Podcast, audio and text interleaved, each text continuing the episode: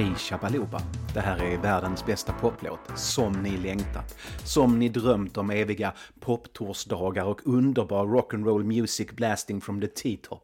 Vi ska ge oss ut till det där amerikanska hjärtlandet som vissa partier, inga nämnda, inga glömda, drömmer om på nätterna och sen inbillar sig på något sätt också finns i Sverige. Bli Patreon, skicka pengar för här ska vi inte vara på något downbound train mot undergången, ut och arbeta på motorvägen eller något.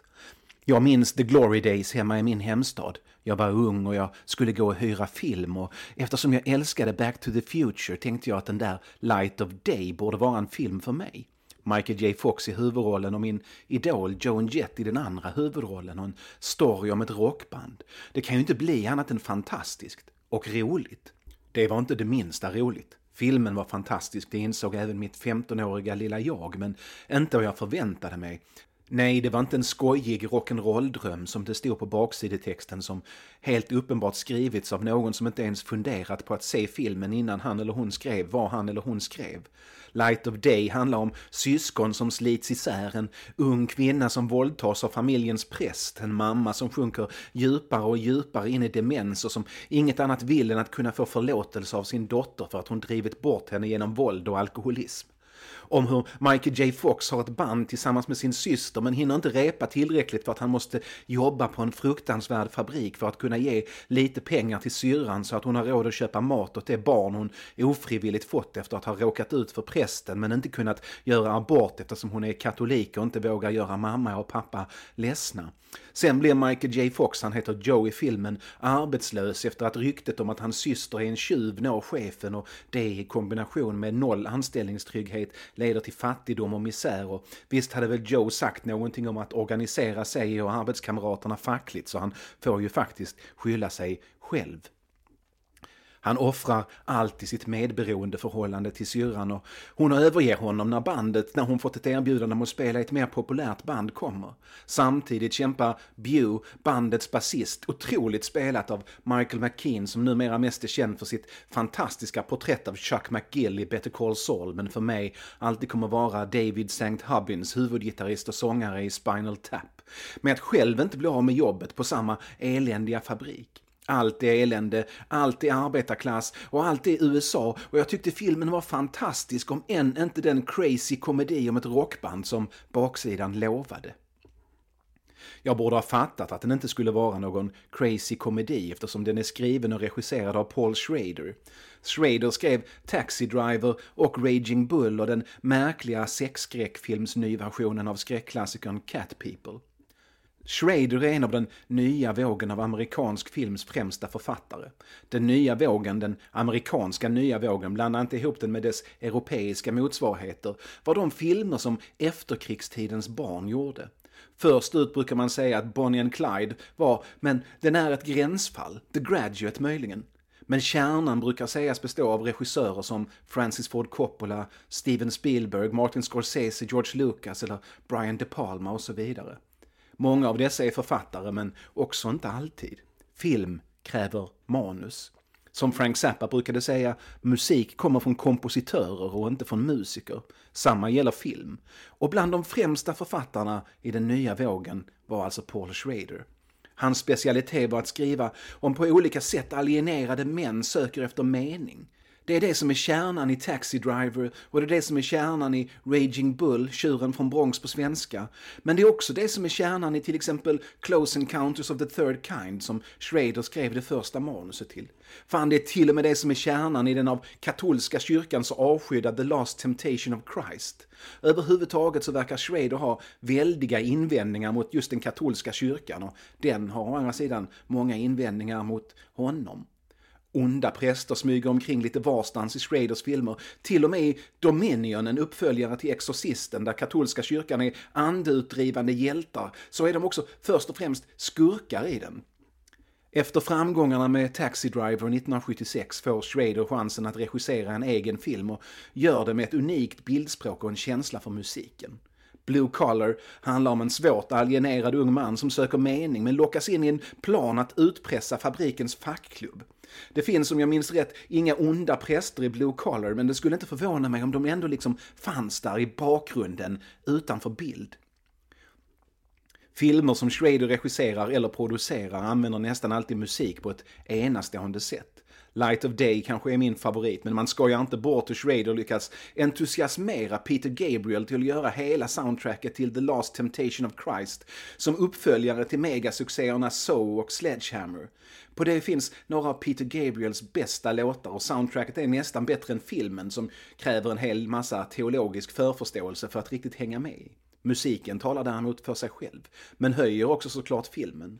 Musiken låter världsmusik, uråldrig och modern samtidigt och utan tvekan som Peter Gabriel. Här, A Different Drum, den har popnerven man förväntar sig efter att ha lyssnat på So eller bara Sledgehammer, men man förstår att skivbolaget skruvade på sig obekvämt när de insåg att det inte skulle bli några USA-ettor av Gabriels nya skiva.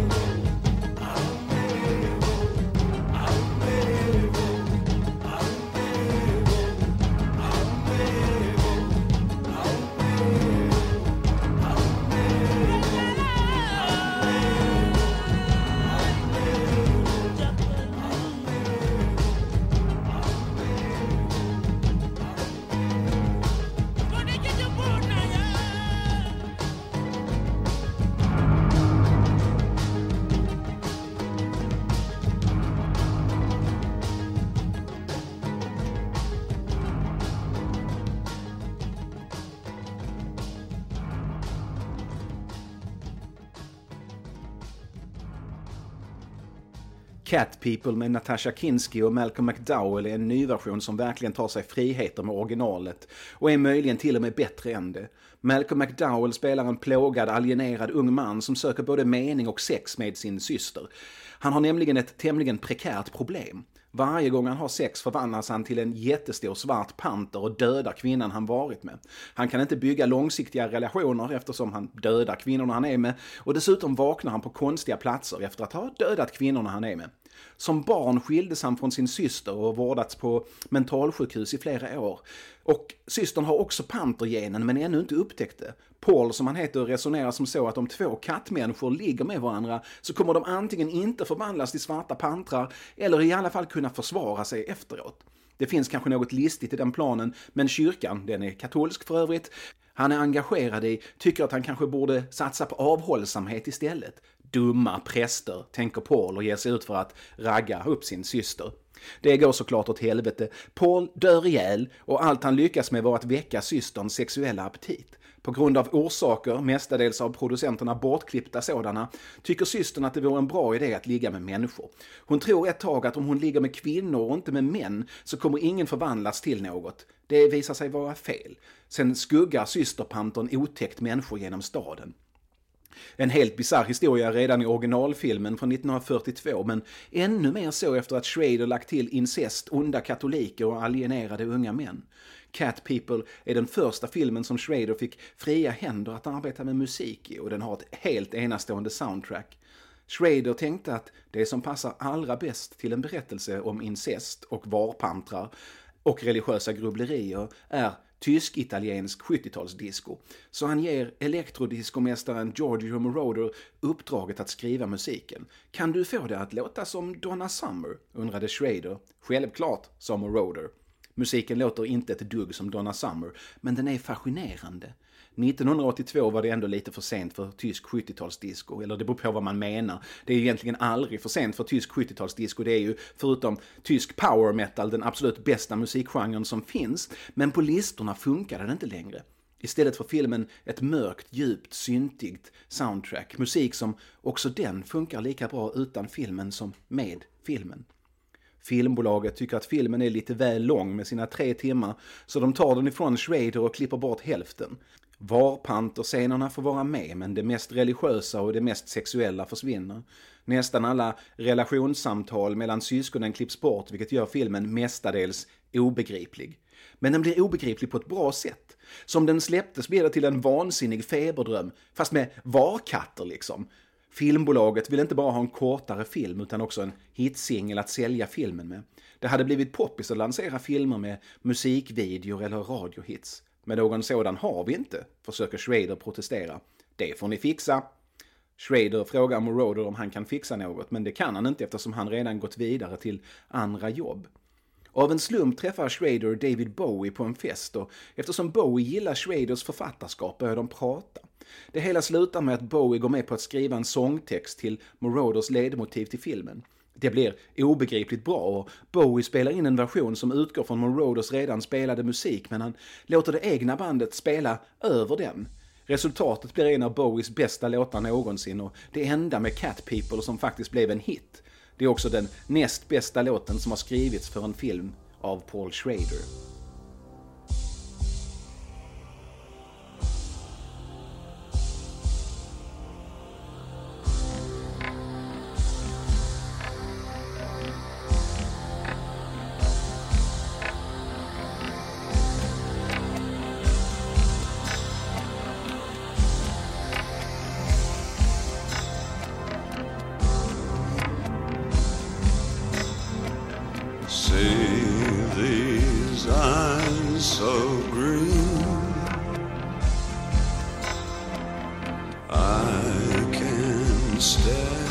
It's just the fear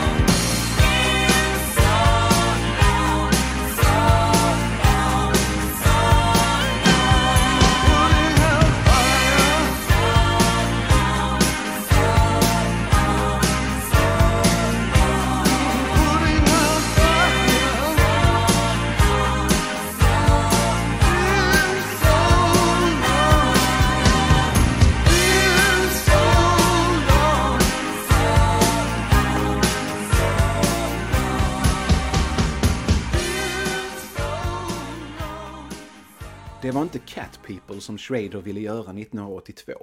Nej, han ville filma den där crazy komedin om syskonen som har ett litet helvete från början till slut.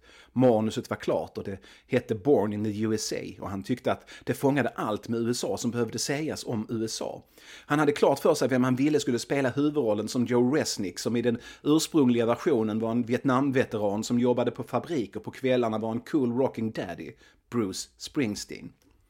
Filmmanuset hade liksom kommit till Schrader efter att han hört dubbel-LPn The River och tänkt att allt det där som den här skivan säger vill jag säga i en film. Man hade kunnat göra en fantastisk film av låtarna på The River eller en fantastisk tv-serie.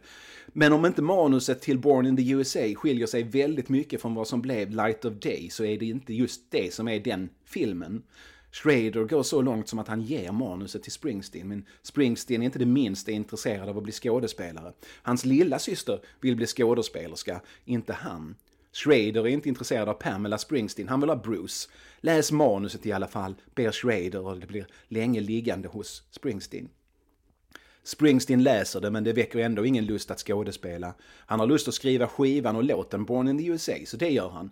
Uppenbarligen blir han en aning inspirerad av manuset ändå. Både själva låten Born in the USA och No Surrender är, om inte stölder, så i alla fall till viss del influerade. Så pass mycket att Springsteen har en aning dåligt samvete för saken, så han ringer upp Schrader och ber om ursäkt. 1986 får Schrader till slut grönt ljus för filmen men han inser att den inte kan heta Born in USA längre eftersom alla skulle förknippa det med Springsteens hit. Så eftersom Springsteen ställt till det för honom så frågar han mest på skämt helt enkelt Springsteen om Springsteen i alla fall kan hitta på ett namn på filmen. Det kan inte Springsteen, men han lovar att skriva en låt till bandet som filmen handlar om. Och det blir världens bästa poplåt, Light of Day. Bandet i filmen heter The Barbusters och de är ta med fan ett jävligt bra band. De är också på riktigt, det är inte några skådespelare som låtsas spela sina instrument. Nej, skådespelarna spelar själva. Många av scenerna med bandet är inspelade inför levande publik på riktiga pubbar, riktiga barer, riktiga roadhouse i det riktiga Amerika. Michael McKean tog på sig att leda repetitionerna och göra arrangemangen och han är tveklöst inte bara en genialisk skådespelare utan också ett musikaliskt geni. I This is Spinal Tap skriver han både 60-tals psykedelia och 70-tals hårdrock och 80-tals hårdrock och gör det med fullständig precision. I A Mighty Wind gör han samma med 60-tals folkmusik, 70-tals folkmusik och 80-tals folkmusik. Han sjunger också fantastiskt men det gör han väldigt lite i Light of Day. Joan Jett tar The Barbusters på allvar och ger verkligen allt i musikscenerna. Hon sjunger och spelar kompgitarr och hon gör det nästan lite för bra. Vid några tillfällen känns det otroligt att The Barbusters inte är större än de är. Att de fortfarande spelar på Roadhouse och barer och inte på större scener och säljer massvis med skivor.